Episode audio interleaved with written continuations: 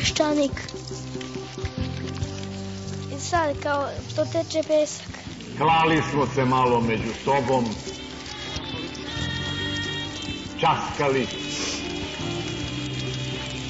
prebirali po sećanju.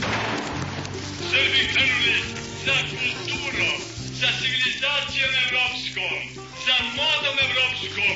O, leševi srpski! Nacionalizam kod nas nije isto što nacionalizam u Francuskoj. Peščanik. Jer možete govoriti kao što Francuzi piju za učak vino, mi smo alkoholičari, mi ne smemo ni kap vina da pijemo. Ajde dalje. Napustimo mračni i sramni Beograd. Iza nas nerazuman lelek nedostojnih, Peščanik. ispred nas ciljevi uzvišeni, Ovdje ljudi još uvijek masovno misle da socijalizam nije tako rđe. Može, treći put vodi pravo u Afriku. Ekonomski uvek, ako hoćemo tamo, onda smo na pravom putu. iznad nas zver koja nas vodi putevima gospodnjim.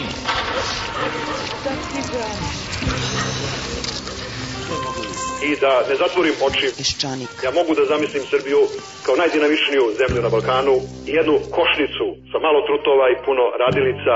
Ako ne uspemo, niko nam neće biti kriv. Dugo smo, dugo još putovali. Dakle, mi smo izgubili 5. oktobar, da tako kažem. Nepredviđeno. Na televiziji vidim da se i rezultat drugog svjetskog rata promenio. Ugleda smo u bistroj vodi naša lica. Prema tome, ja očekujem da će Srbija krenuti nešto novo tek kad pobedi Turke na Kosovo. Iznenada briznu smo u plač. Peščanik.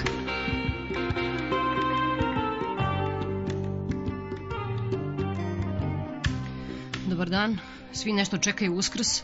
Vernici da se podsjete srećnog saznanja da je uskrsnuće zagarantovano i mi koji u Boga duboko ne verujemo ili smo agnostici čekamo uskrs, nadajući, nadajući se da ćemo doći do nekog predaha, makar toliko da se malo priberemo, da se odmorimo od saznanja da nas mame u Srbiji ne rađaju, da bismo mogli, na primjer, da uživamo u proleću, nego da i njega izdržimo kao i sve ostalo. Posle ubistva premijera Đinđića kao da je na sve strane u Srbiji počelo da buja i da kulja, kuljaju kosti ubijenih, kilogrami kokaina, zolje, silikoni i sve više pogrešnog teksta. Pogrešan tekst izgovara i premijer Živković, setite se lažnih para, razni ministri i taj zagonitni čovek koji vole da ga zovu Beba. O čovjeku stvarno ništa ne znam, kolegi mi samo kažu da izgovara pogrešan tekst i ton mu je malo povišen kad razgovara sa kolegama, ali to ne verujem zato što bi verovatno neko dohvatio pikslu pa ga gađao umeđu vremenu. I Čović je ovih dana dao svoj puni doprinos uh, izgovaranju pogrešnog teksta u Srbiji, međutim u poslednji čas je pokušao da izgovori nekoliko pravih reči. Moj kolega i, i, i predsednik gospodašnje vlade, gospodin Đinđić, nije poginuo ni za jednu određenu stranku, pa čak ni za koaliciju više stranka. Đinđić je umro zbog Srbije, da mrtav Srbiji otvori oči, da mrtav pokaže odakle nam je pretila najveća opasnost. Dakle, Zoran je umro za sve. To je poruka života Zorana Đinđića i to je njegov testament, onako ga mi shvatamo. Svi smo izvršioci testamenta, a ako neko želi da prisvoji i njega i ono što je radio, to je potpuno suprotno od onoga što je Zoran smerao kada je skupio sve nas kao rogove u jednu vreću koja je ipak funkcionisala. Naša je krivica što smo čekali i oklevali i moram da kažem da je naše oklevanje i da je naša neodlučnost više ugrozila državu nego navodne sposobnosti i organizacija mafijaškog tipa. Naravno, kada ovo kažem, ja ne isključujem uopšte sebe i stranku koju predstavljam u stepenu odgovornosti koji nosim. Razbili smo ih za mesec dana kada smo rešili da ih razbijemo. Ta odluka je doneta sa Đinđićem, pre njegove smrti, mada sada izgleda da je njegova smrt inicijalna kapista za obračun države sa mafijom. Ovo što se sada dešava u Srbiji predstavlja konačni raskid između normalnog i nenormalnog, između zakonitog i kriminalnog, između žandara i lopova, između krađe i rada. Ovo je borba koja mora da odvede do svakoga ko je na bilo koji način bio umešan u kriminal, pljačku države, kao i ono što se već sada jasnije sagledava kao pokušaj državnog udara. Od odgovornosti ne sme biti amnestiran niko bez obzira na kojoj se poziciji trenutno nalazi. Pravda ne sme imati miljenike. Svačija odgovornost će se meriti spremnošću svakog da se ova borba istara do kraja i da se društvo očisti i po dubini i po širini. Kriminal ide u rezervat, tamo bi trebalo i da ostane. Svi ostali zajedno prvi put u posljednjih 15 godina podižemo zid između nas i njih, između dobra i zla.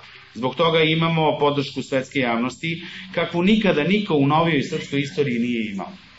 Nije to podrška nekoj političkoj opciji, e, nego jednom važnom i teškom, ali neophodnom poslu. Jednoj operaciji koju Srbija radi na samoj sebi. Mi smo se sami obračunali sa našim razbojnicima. Nismo uvozili ni policiju, ni komandose sa bilo koje strane. Svoje smo đubre sami bacili kroz prozor.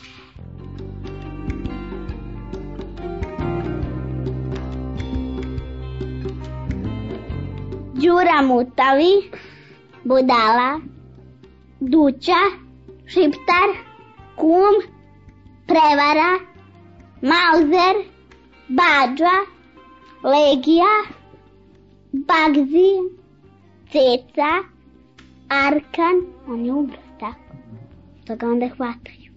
Čume, Kundak, Šef, Pacov. Znaš koga su zvali šef? Kogu su zvali šef?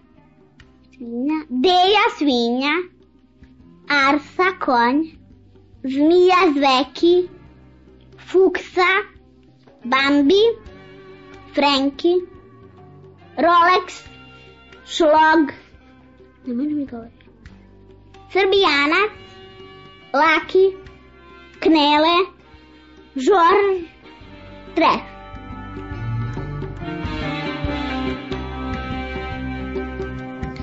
Predstavnici međunarodnih organizacija, a i naš ministar Ljajić obišli su ovih dana zatvore i kažu da uhapšene niko ne zlostavlja u zatvoru, uključujući i cecu. Policiji se inače ovih dana u Srbiji veruje. Prihvatili smo da je istina samo ono što nam policija i vlada kažu da je istina.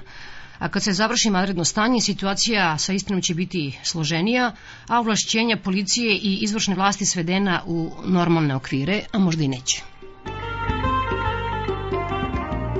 Čuli ste da je Skupština ovih dana donala nekoliko važnih propisa kojima se uvode neka nova krivična dela, poštravaju se kazne, uvodi se mera konfiskacije imovine. Batić je govorio da će zlikovci robijati 100, 120, 150 godina i da će im biti konfiskovana kompletna imovina. Ministar nam je greo srca i hranio gnev i želju da se osvetimo za ubistvo premijera i za sav užas u koji su nas doveli. Međutim, ministar pravde je, po ovome što čujem od pravnika, jedino zaboravio da se postara da se napišu i donesu dobri zakoni koji bi omogućili da sredstva koja država koristi u borbi protiv organizovanog kriminala budu i efikasni, ali i legalni. A ako ne, ako ne, može da ispadne da Legija jednog dana bude uhapšen, bude osuđen po lošim zakonima, da tuži državu u Evropskom sudu za ljudska prava, da je tamo pobedi, pa da nam evropljani kažu aj sad polako, ajde još jedno, možete vi malo bolje, malo lepše, narušeni ste prava gospodinu Legiji. Slušate gospođu Vesnu Rakić-Vodinelić, direktorku Instituta za uporedno pravo.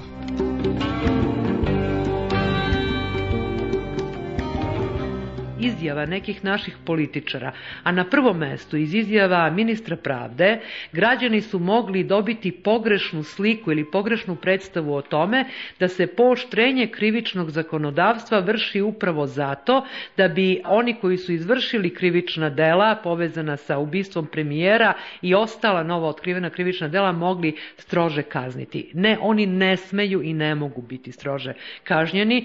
Ja pretpostavljam da svaki sudija u ovoj zemlji vrlo dobro znači šta znači princip. Nema osude za krivično delo ako ono nije ranije bilo predviđeno, niti izricanja kazne za to krivično delo i da će sudije naravno da se drže zakona, a ne uputstava političkih vlasti.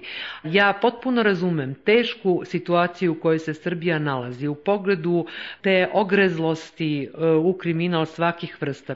Ali na jednoj strani je naš emotivni odnos prema tome, naš osjećaj građana koji smo ugroženi tom kriminalnom atmosferom i tim kriminalnim okruženjem, a na drugoj strani su ti principi pravne civilizacije.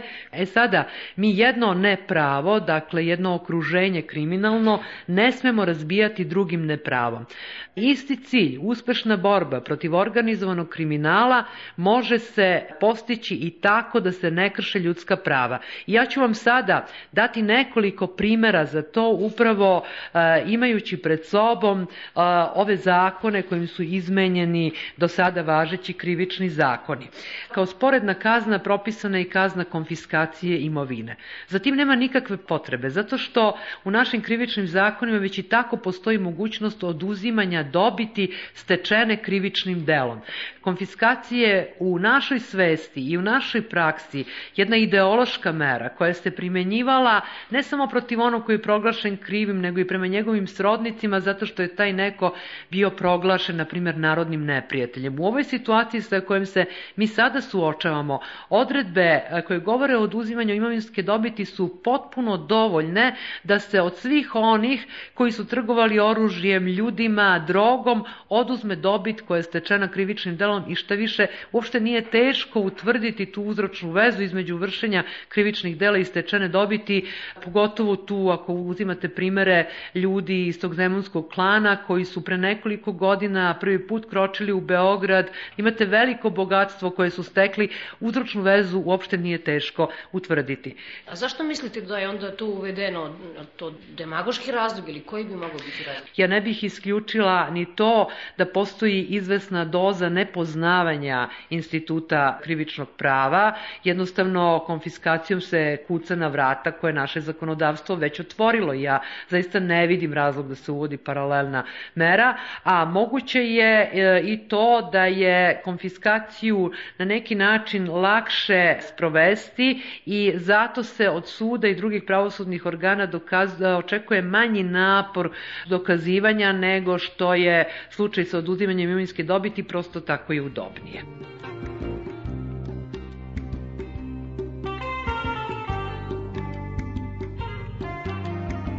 Lice koje je lišeno slobode se mora u najkraćem mogućem roku izvesti pred sudiju. Od toga se može odstupiti u vreme vanrednog stanja, pogotovo ako imate masovna lišenja slobode kao što su kod nas. Ali ovaj zakon nije namenjen upotrebi u vreme vanrednog stanja. On je zakon koji, kao i svaki zakon, treba da živi određeno vreme. I upravo ta njegova odredba koja omogućava pritvor od 30 dana najmanje, jel tako, bez odluke suda, to je mera koja je potpuno suprotna i našem ustavu i zakoniku u krivičnom postupku i Evropskoj konvenciji o ljudskim pravima i tu nema nikakve tajne niti mistifikacije. Predstavnici Saveta Evrope koji rade u ovoj zemlji i koji posmatraju Srbiju i Crnu Goru jer je nedavno postala članica Saveta Evrope su potpuno svesni da je to očigledno kršenje svih e, ovih propisa. E, hoću da kažem da se ovaj isti cilj, dakle zadržavanje u pritvoru koje je sigurno za teška krivična dela, pogotovo kod nas sada nužnost, može postići legitimnom metodom. Može se postići tako što će van raspravno veće o tome doneti odluku. Razumem da postoji neko nepoverenje u rad e, van raspravnih veća, ali sada je u toku formiranje specijalnog odeljenja okružnih sudova za borbu protiv organizovanog kriminala. Iako se ne mogu naći tri sudije u ovoj zemlji u čije se poznavanje prava i u čije se fair postupanje i u čije se shvatanje problema ne može sumnjati, onda će sve opasti u vodu. Znate, To su zakoni koji su sačinjeni tako kao da je jedina vlast u kojoj se ovde može pouzdati policija. A mi imamo potpuno suprotne dokaze. Dakle, ljudi koji su članovi klana protiv koga se policija bori su sami bili policija. Neki od njih verovatno još uvek imaju dokaz da su policija. Ne vidim zašto bi se moralo imati poverenja samo u njih. Isto tako, zakonom o izmenama i dopunama zakona o javnim tužiocima se pokazuje drugačiji odnos prema tužiocima. Sada njihov način izbora prelazi u potpunosti na vladu i na ministarstvo pravde. Prema tome, oni postaju činovnici izvršne vlasti. Sa druge strane, da im se vrlo velika ovlašćenja, njima se izjavljuje žalba na rešenje o pritvoru, a ne sudu. To je prebacilo težište sa pravosudnih institucija na institucije izvršne vlasti u koje se ima bezrezervno poverenje bez ikakvog opravdanog razloga.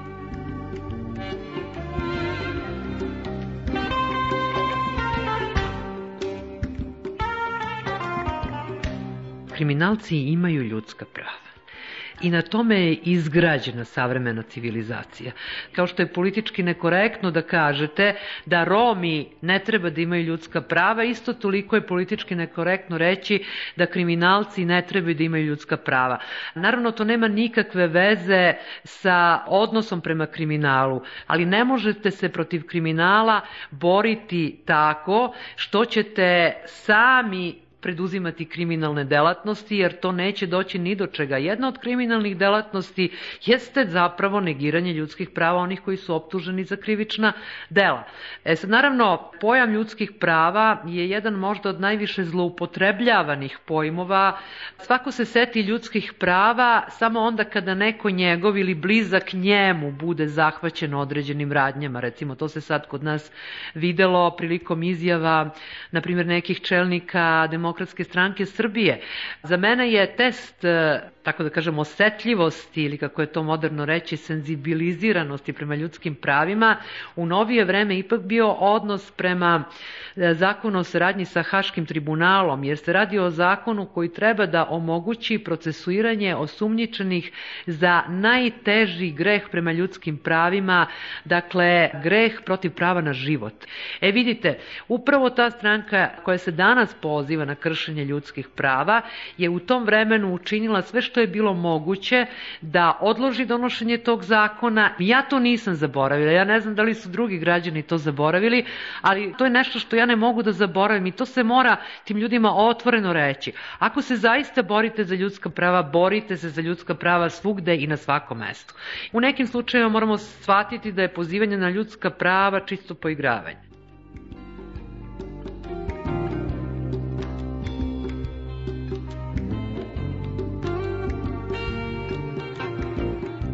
Javnosti trenutno postoji podrška policiji i podrška izvršnoj vlasti. To je s jedne strane. S druge strane, oni nam stalno govore da u, u principu nema nikakvih većih prigovora od strane međunarodne zajednice, odnosno da postoji podrška. I s treće strane, građani koji su iz tih razloga koji ste vi govorili ogorčeni, može im zvučati kao cepidlačenje ovo što sada mi govorimo, s obzirom na to da je ubijen premijer, da su nađene kosti i tako dalje. Podrška koju građani iskazuju borbi protiv organizovanog kriminala je jedna krajnje legitimna podrška. Građani i nisu dužni da znaju koje sve metode borbe protiv organizovanog kriminala postoje. Cela stvar je kad je u pitanju onaj ko priprema zakon i onaj ko ga donosi da nađe delotvorne i legitimne metode. Ja sam pokušala na nekim primerima da vam pokažem zašto je ova metoda, na primer, policijskog pritvora nelegitimna i nedelotvorna. Čini mi se da bi baš naši građani trebalo da budu upoznati sa tim nekim elementarnim metodama i ako hoće da daju podršku vlasti, da je ne daju blanko, dakle postizanje cilja bilo kojom metodom, jer znate, postavit će se tu jako mnogo pitanja. Prvo će se postaviti pitanje da li su presude koje budu donete, ako ne daj Bože neko retroaktivno primeni zakon, da li će te presude opstati?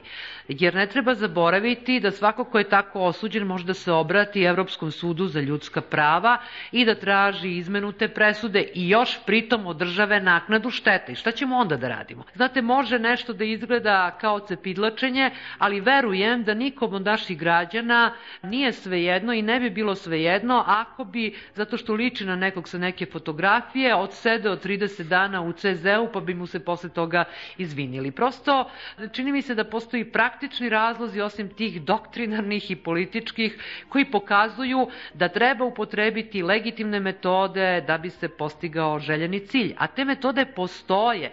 Ne postoji nikakva potreba za ne znam nija kakvom kreacijom, niti ne znam nija kojim radom, pa te metode su isprobane hiljadu puta. Treba samo malo sesti i pozabaviti se uporednim pravom, međunarodnim pravom, pravom i do njih se vrlo lako dolazi. Sad su stvari takve kakve jesu. Ovaj zakon o izmenama i dopunama zakona o borbi protiv organizovanog kriminala je na svu sreću, barem u pogledu nekih odredaba, ograničen na 90 dana. Za tih 90 dana naši političari umesto što osuđuju pojedince za krivična dela, trebalo bi hitno da iskoriste postojeće mehanizme, da donesu pristojno zakonodavstvo, dakle zakonodavstvo kojim će se postići cilj efikasne borbe protiv organizovanog kriminala legitimnim metodama. Ovih 90 dana može da im služi samo kao predah ali ne i kao konačno rešenje. A nisam sigurna koliko većina od njih shvata da je to samo dah i predaha ne konačno rešenje. I nije baš e, sasvim izvesno da međunarodne organizacije koje ovde vrše monitoring nemaju nikakve primetbe. Meni je poznato i imam te primetbe napismeno da je American Bar Association, njihovi predstavnici koji su u Beogradu, e, ja naravno neću citirati tu ocenu, mogu samo generalno da kažem da je oštrija nego ovo koje sam ja danas izrekla. Savet Evrope, koliko ja znam, mada ne mora da bude tačno, još nije napravio nikakvu pismenu analizu ali iz usmenih kontakata koje sam ja imala sa nekim predstavnicima Saveta Evrope, njihova ocena je opet još oštrija od ove koju sam ja izrekla.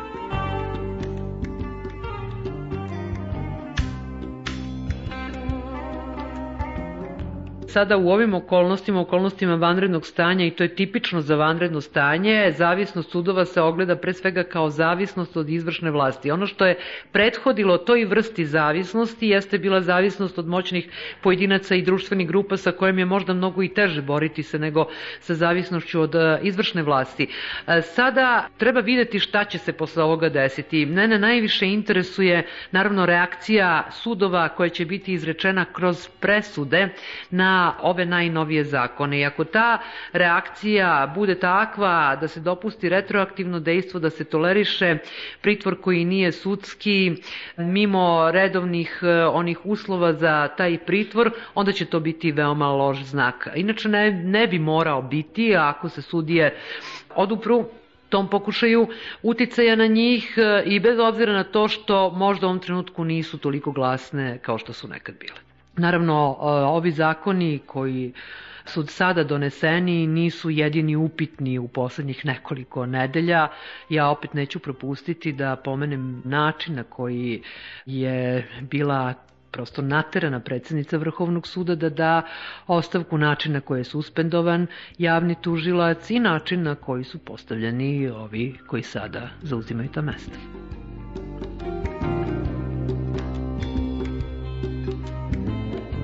U Srbiji se nastavlja priča o patriotizmu. Prošle nedelje, odnosno prošle subote u Peščaniku ste čuli gospodina Slobodana Samarđića jednog od savjetnika Vojslava Koštunice, koji je rekao da u vreme vanrednog stanja sve katastrofalno, a jedna od tih stvari koja je uprljana jeste i reč patriotizam, zato što se uvek vezuje sad samo za kriminalce.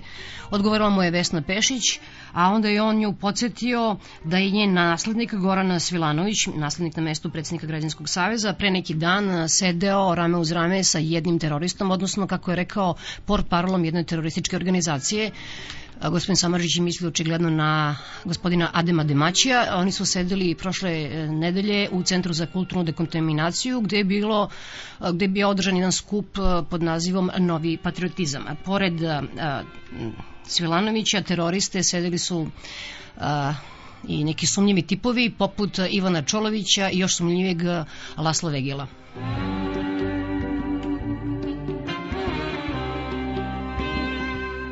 Zamislite čoveka koji danas e, negde na ulici u Srbiji iziđe i na sav glas počne da viče ja sam patriota, živeo patriotizam. I šta bi se takom desilo?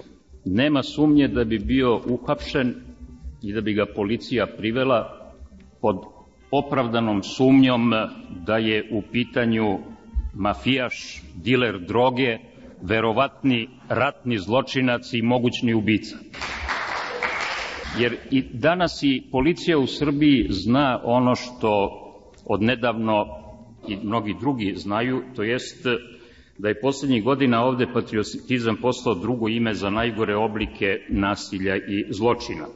Da bi otkrila podmukle zlikovce, policija danas prati izvikane patriote.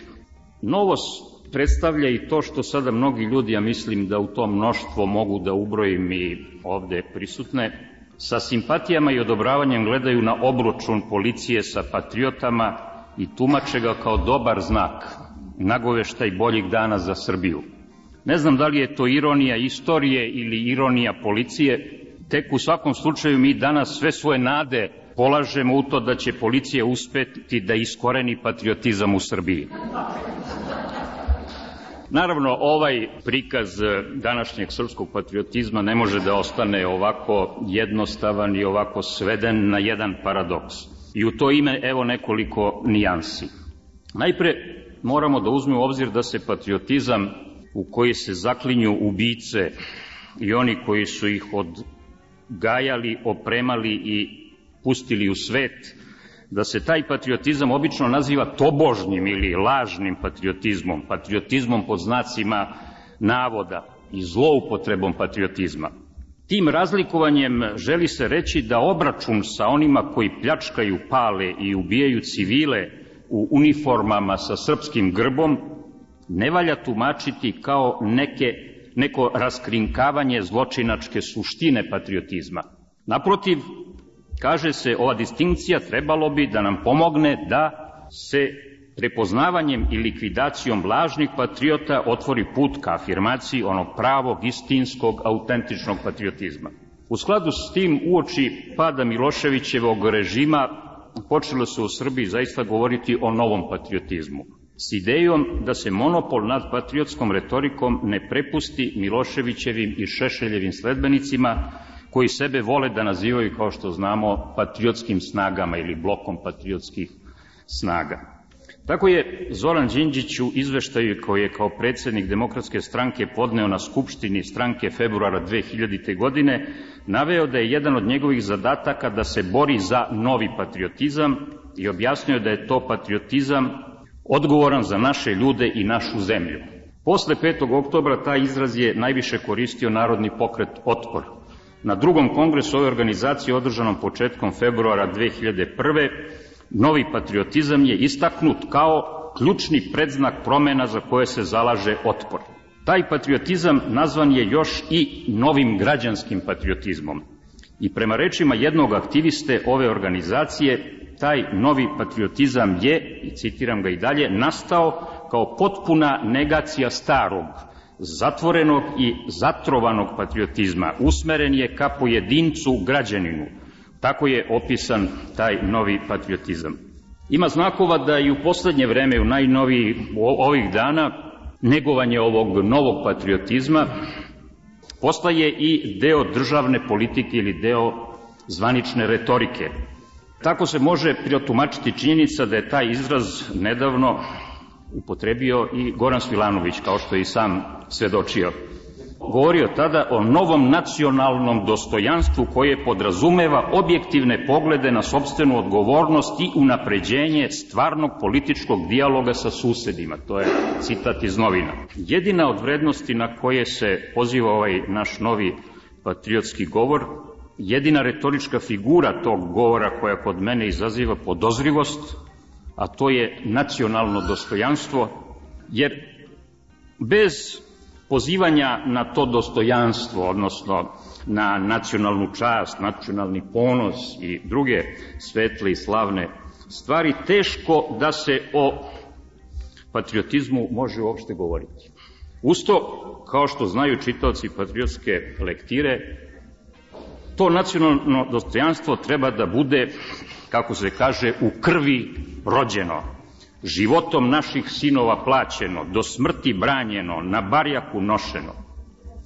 Kratko rečeno, teško je zamisliti neki patriotizam, a još teže videti ga na delu bez rata, bez smrti, bez neprijatelja, bez mržnje i agresivnosti koje patriotska retorika slavi i raspiruje. Zbog toga se za patriotizam koji hoće da bude tolerancija, pluralizam, odgovornost, Evropa, svet, konkurentnost i tako dalje i tako dalje, može reći ono što je Nenad Čanak rekao za umereni nacionalizam. To je isto što i krokodil vegetarijanac. Dakle, Ako je nekome zaista potreban patriotizam, ne može ga hraniti ljudskim pravima, jer se on isključivo hrani ljudskim mesom.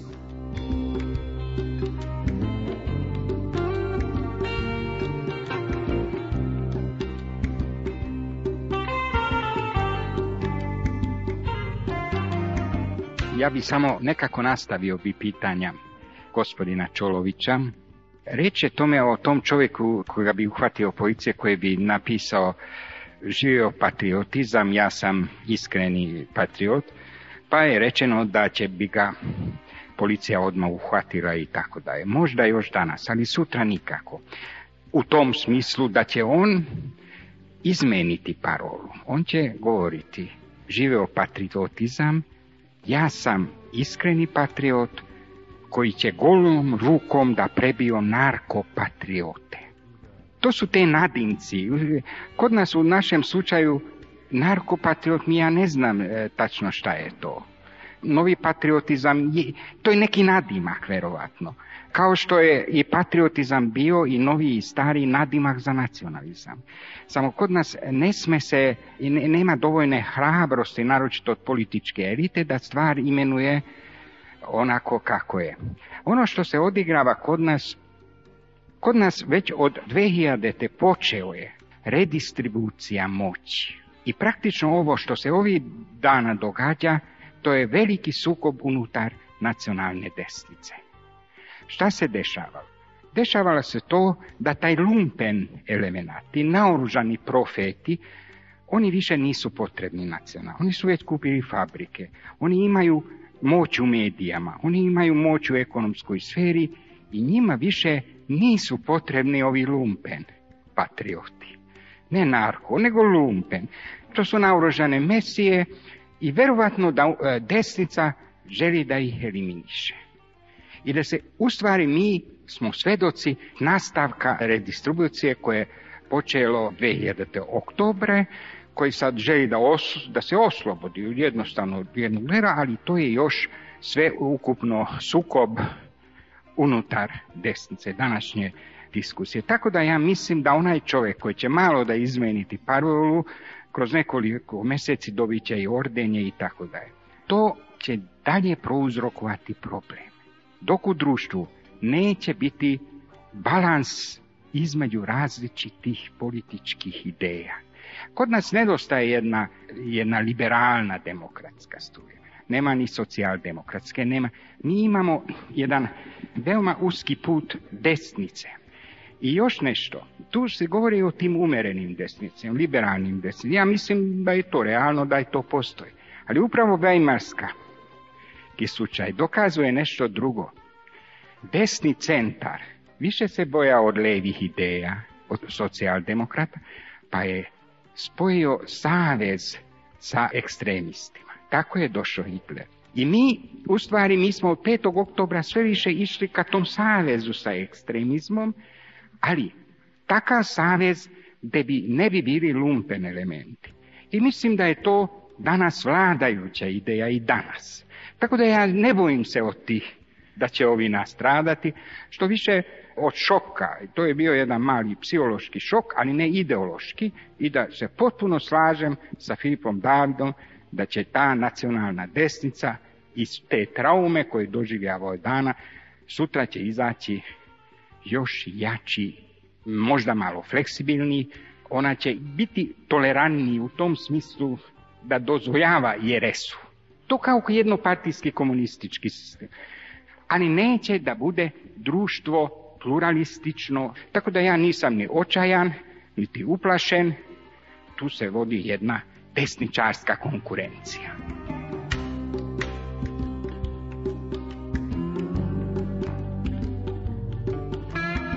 Sad kad bi sve povatali, šta će biti? Pa, sad su uhvaćeni, eto šta će da bude. Samo što Legija ne bi se baš moglo reći da je uhvaćen. U školi biti ponekad deca ponekad izgovara njihovo ime. Legijino ime i od kuma. Jednom su do sada izgovorili ceca i jednom bagzi. Ali najčešće legija. A što kažu za cecu? Pa ne protiv njihove razgovore. Šta ti misliš o Ceci? Mislim da su Ceci grozne pesme, ali ne toliko grozne da bi bila kriminalac i da bi je uhapsili i da bi držala oružje po kući. I sem toga, i da je držala, to je sigurno od njenog mužarka na oružje. Otkud Zato što pretpostavljam, jer nijedna pevačica do sad nije uhapšena. Ti bi volao da je pusti zatvora? Ne, ne, ne, nego mislim, ne bih voleo, nego mislim da nema razloga da ona bude u zatvoru. Zašto? Pa mislim da ona nema, da ona nije načinila nikakvo mm, krivično delo, da nema nikakve veze sa kriminalnim grupama u Srbiji, naročito ne sa demonskim klanom. Slikali su je negde u nekoj kafani i postoji taj video snimak da ona sedi sa pripadnicima zemunskog klana u nekoj kafani i nešto se dogovaraju. Sem toga u njenoj kući je nađen bunker pun oružja. Ja sam vam rekao, to mora da pripada njenom mužu Arkanu koji je umro. Pa da što on je umro pre dve, tri godine. Kako objašnjavaš to da ona nikad nije baš pogledala šta tamo ima? Pa sigurno je pogledala. I što je čutala? Što nije predala to policiji?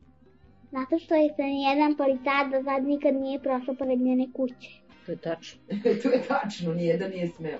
Šta si ti čuo, Đinđiću? Pa, čuo sam da je Đinđić bio jedan jako važan čovjek za Srbiju i mislim da je to tačno. Čuo sam da njegovi sahradi mnoge ljude kako pričaju, da kažu da je on rekao da, da ako kriminalci misle da time što će njega ubiti, da će zaustaviti razvoj Srbije, da se grdno varaju.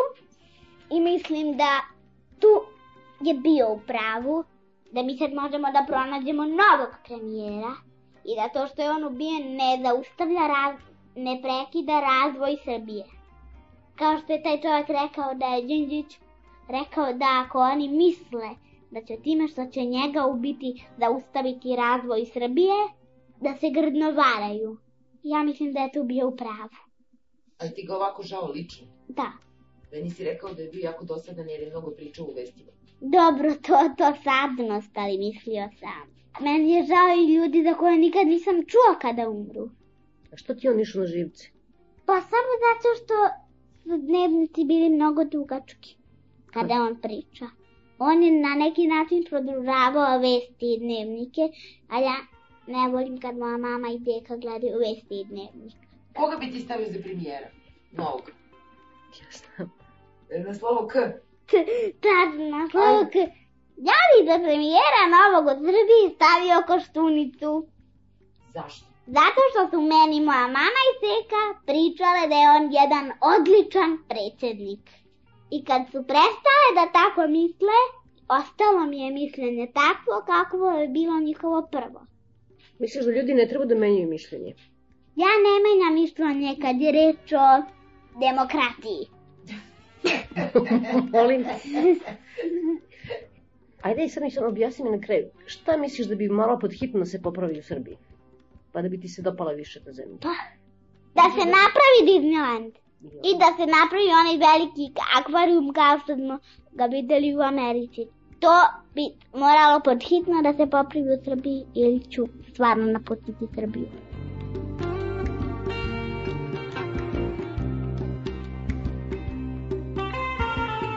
Peščanik.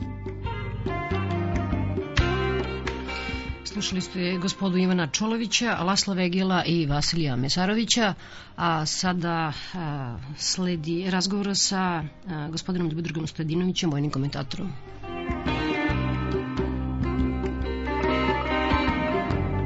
Ova država nema strategiju nacionalne bezbednosti. To je dokument bez koga se ne može ni govoriti o bilo kakvom sistemu odbrane.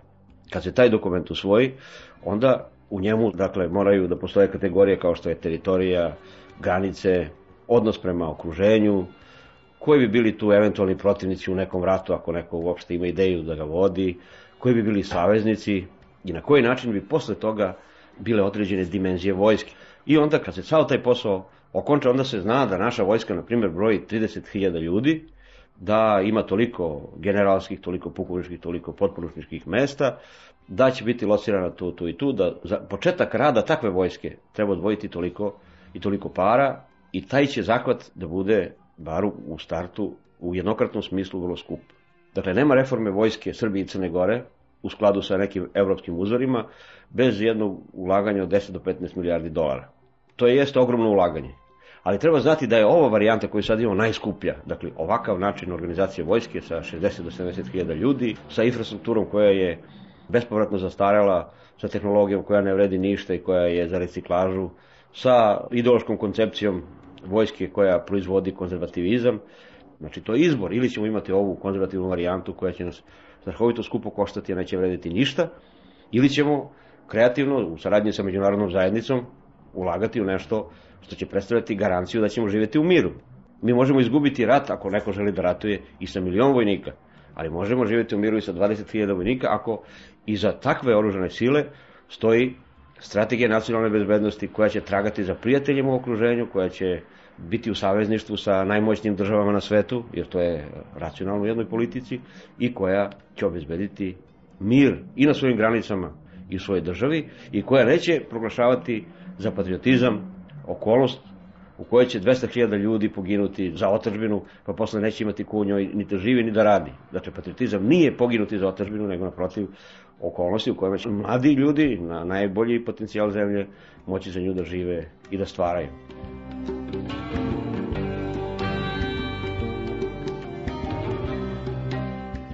Pa ja mislim da se u vojsci ništa krupno nije desilo. Da tek treba da se desi, ali bez reforme ili bez rasturanja službe bezbednosti ne može se govoriti ni o kakvoj reformi vojske. Jer je ta služba u poslednjih pola veka bila zla kob vojske. To je jedna organizacija čije poreklo moći nije poznato i njena moć u stvari proizilazi iz nedostatka saznanja o poreklu moći i ona je sebi dala ili sebi uzela pravo na osnovu upravo te misterije da ostvari neke uticaje koji daleko prevazilaze značaj te službe. Dakle, šteta koju je ta služba napravila daleko je veća od razloga zbog kojih je ona 45 ili nešto ranije formirana.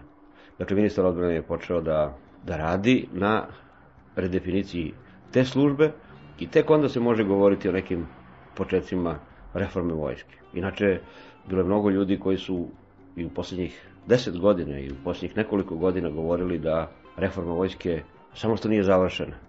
Verovatno se slušalci sećaju da je gospodin Koštunica negde u drugoj polovini 2001. godine rekao da ne smenjuje Pavkovića upravo zato što je on izvršio reformu vojske, da je on najveći reformator od 45. godine na ovamo. On je ponudio da se povuče, ja sam zatražio da zarad promena, koje ponavljam, on osmislio i pokrenuo da sada ostane. Zahtevi za smenu načelnika generalštaba generala Pavkovića najčešće stižu iz redova onih koji traže da se hitno i bez ostatka suočimo, kako se to kaže, sa svojom nedavnom prošlošću, da priznamo tobožnju kolektivnu krivicu, odigramo neku psihodramu i doživimo katarsu.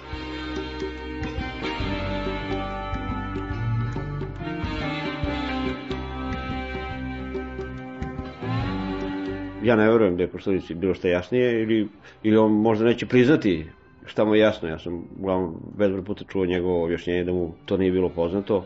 Ja ne znam njegove motive zašto je Pavkovića onoliko dugo držao i ne znam njegove motive zašto ga je onako naglo skinuo. Dakle, Pavković je njemu bio samo neka vrsta figure koja mu je služila za politički obračun. Zbog civilne kontrole, zbog demokratije, a i zbog očuvanja vojske kao institucije, odlučio sam se na današnji potez. Nebojša Pavković je imao prilike da ode dostojanstveno i časno.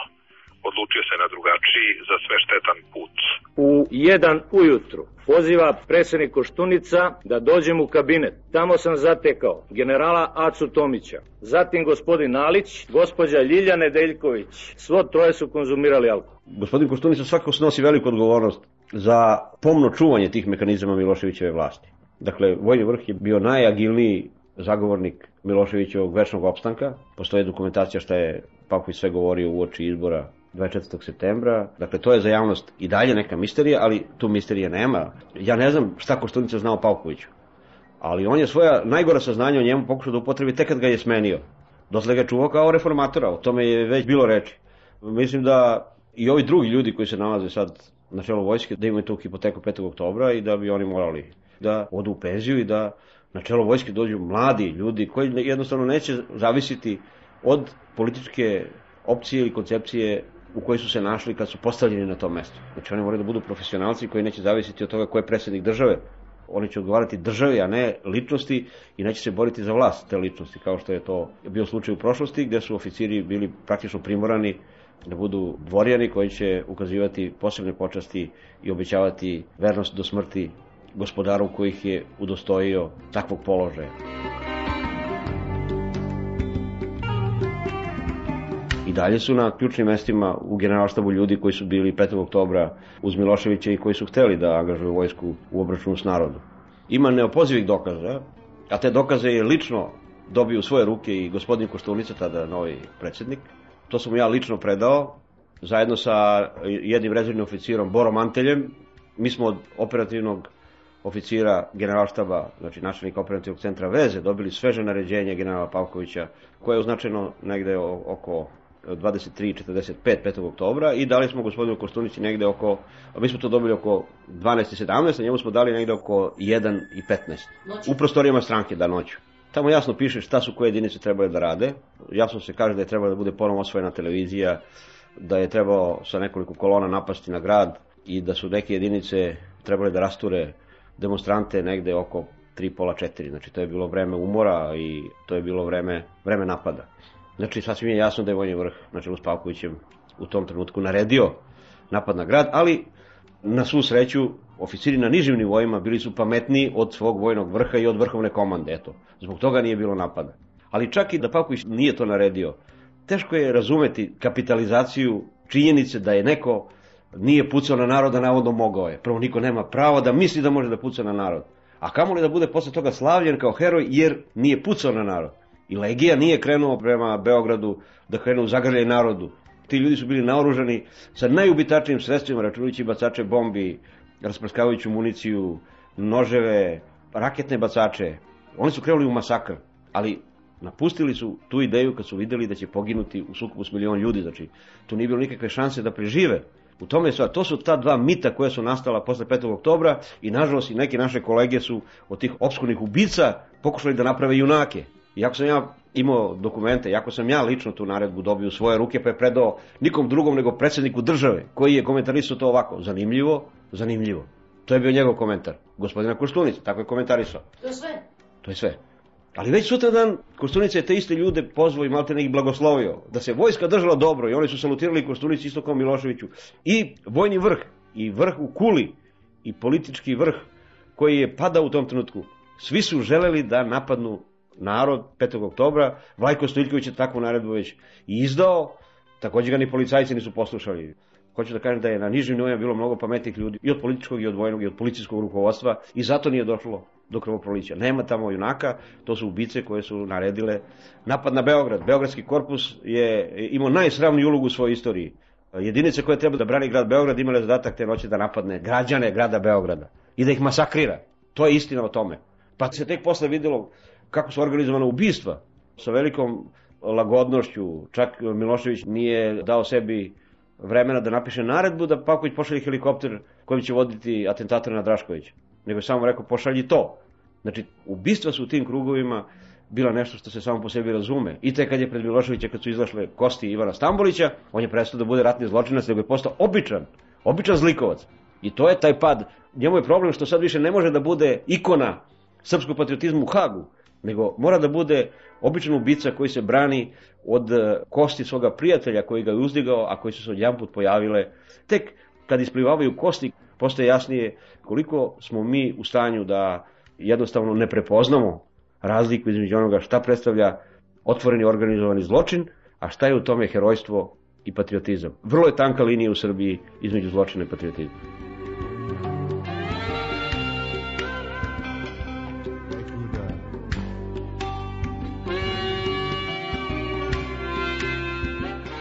Vaca Tomić je posebni obožavalac lika i dela Mire Marković i Slobodana Miloševića.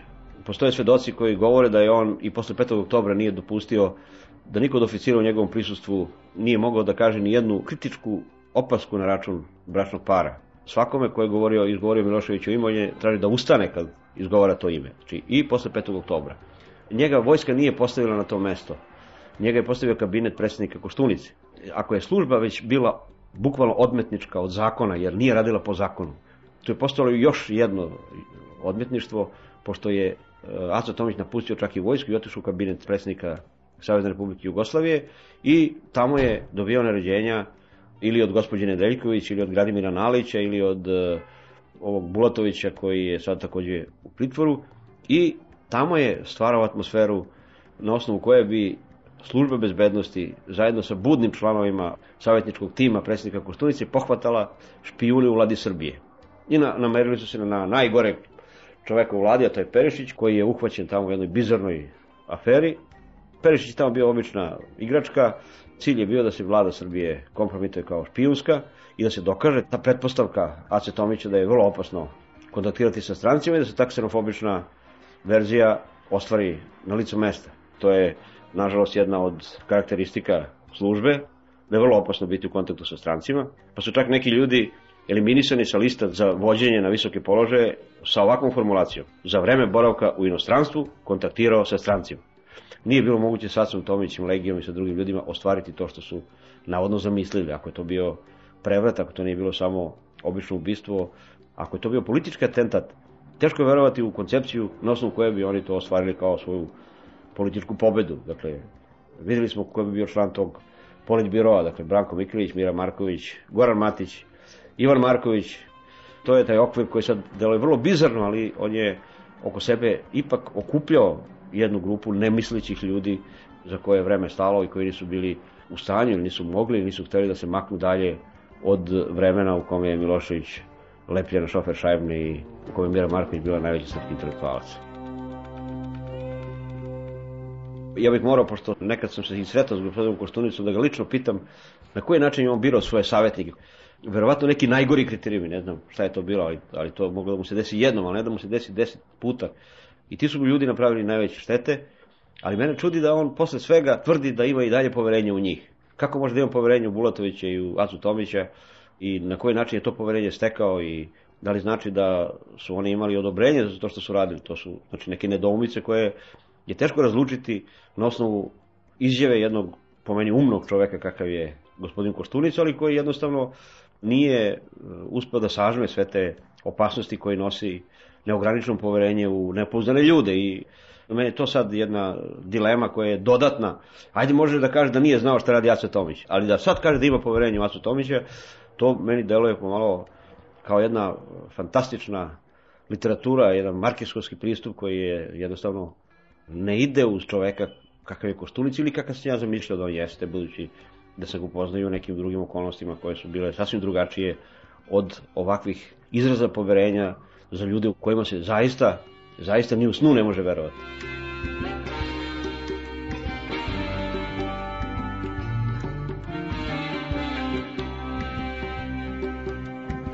Ivančin u Vukovaru nije bio komandant jedinice, znači to je bila jedinica kojom je komandom Mile Mrkšić, general, to je bila gardijska brigada. Šljivančin je onda bio oficir bezbednosti. Ne verujem da je Šljivančin zločinac, da je to čovjek koji je naredio bilo kakvu likvidaciju. Verujem da ova saznanja do kojih je došao ministar Mihajlović znače da Šljivančanin nije mogao da ima uticaj na te paravojne formacije koje su nezavisno od Diđena tada uradili to što su uradile. Sad je samo pitanje koje je njima omogućio pristup tim zarobljenicima i koje je prećutno doveo do toga da ti ljudi budu likvidirani ako je to zaista tako bilo. Znači to su sve hipoteze. Pavković je bio tada u Vukovaru i on je bio onaj oficir koji su se predali zarobljene snage. Pavković je bio izaslanik Vuka Obradovića kao zamenik načelnika kabineta, a šef kabineta saveznog sekretara je bio neposredno pretpostavljeni gardijskoj brigadi, dakle Milito Mrkšiću. I u tom smislu Šljivančin se pojavio pre svega kao neki marketinški maneken gardijske brigade koji je onako markantan i visok davo krupne izjave, ali ove, te krupne izjave su ga i dovele na poternicu. U tom smislu treba tragati za istinom o tome šta je u Vukovaru i oko njega radio Veselin Šljivančanin.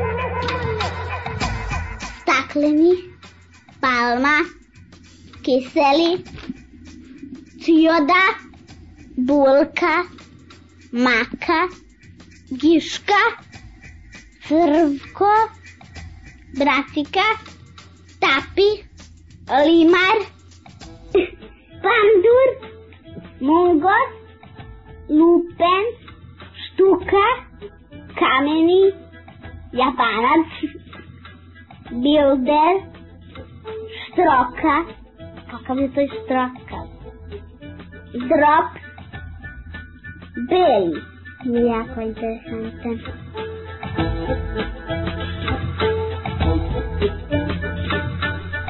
Bio Pešanik, sledi dnevnik Radija B92. Peščanik.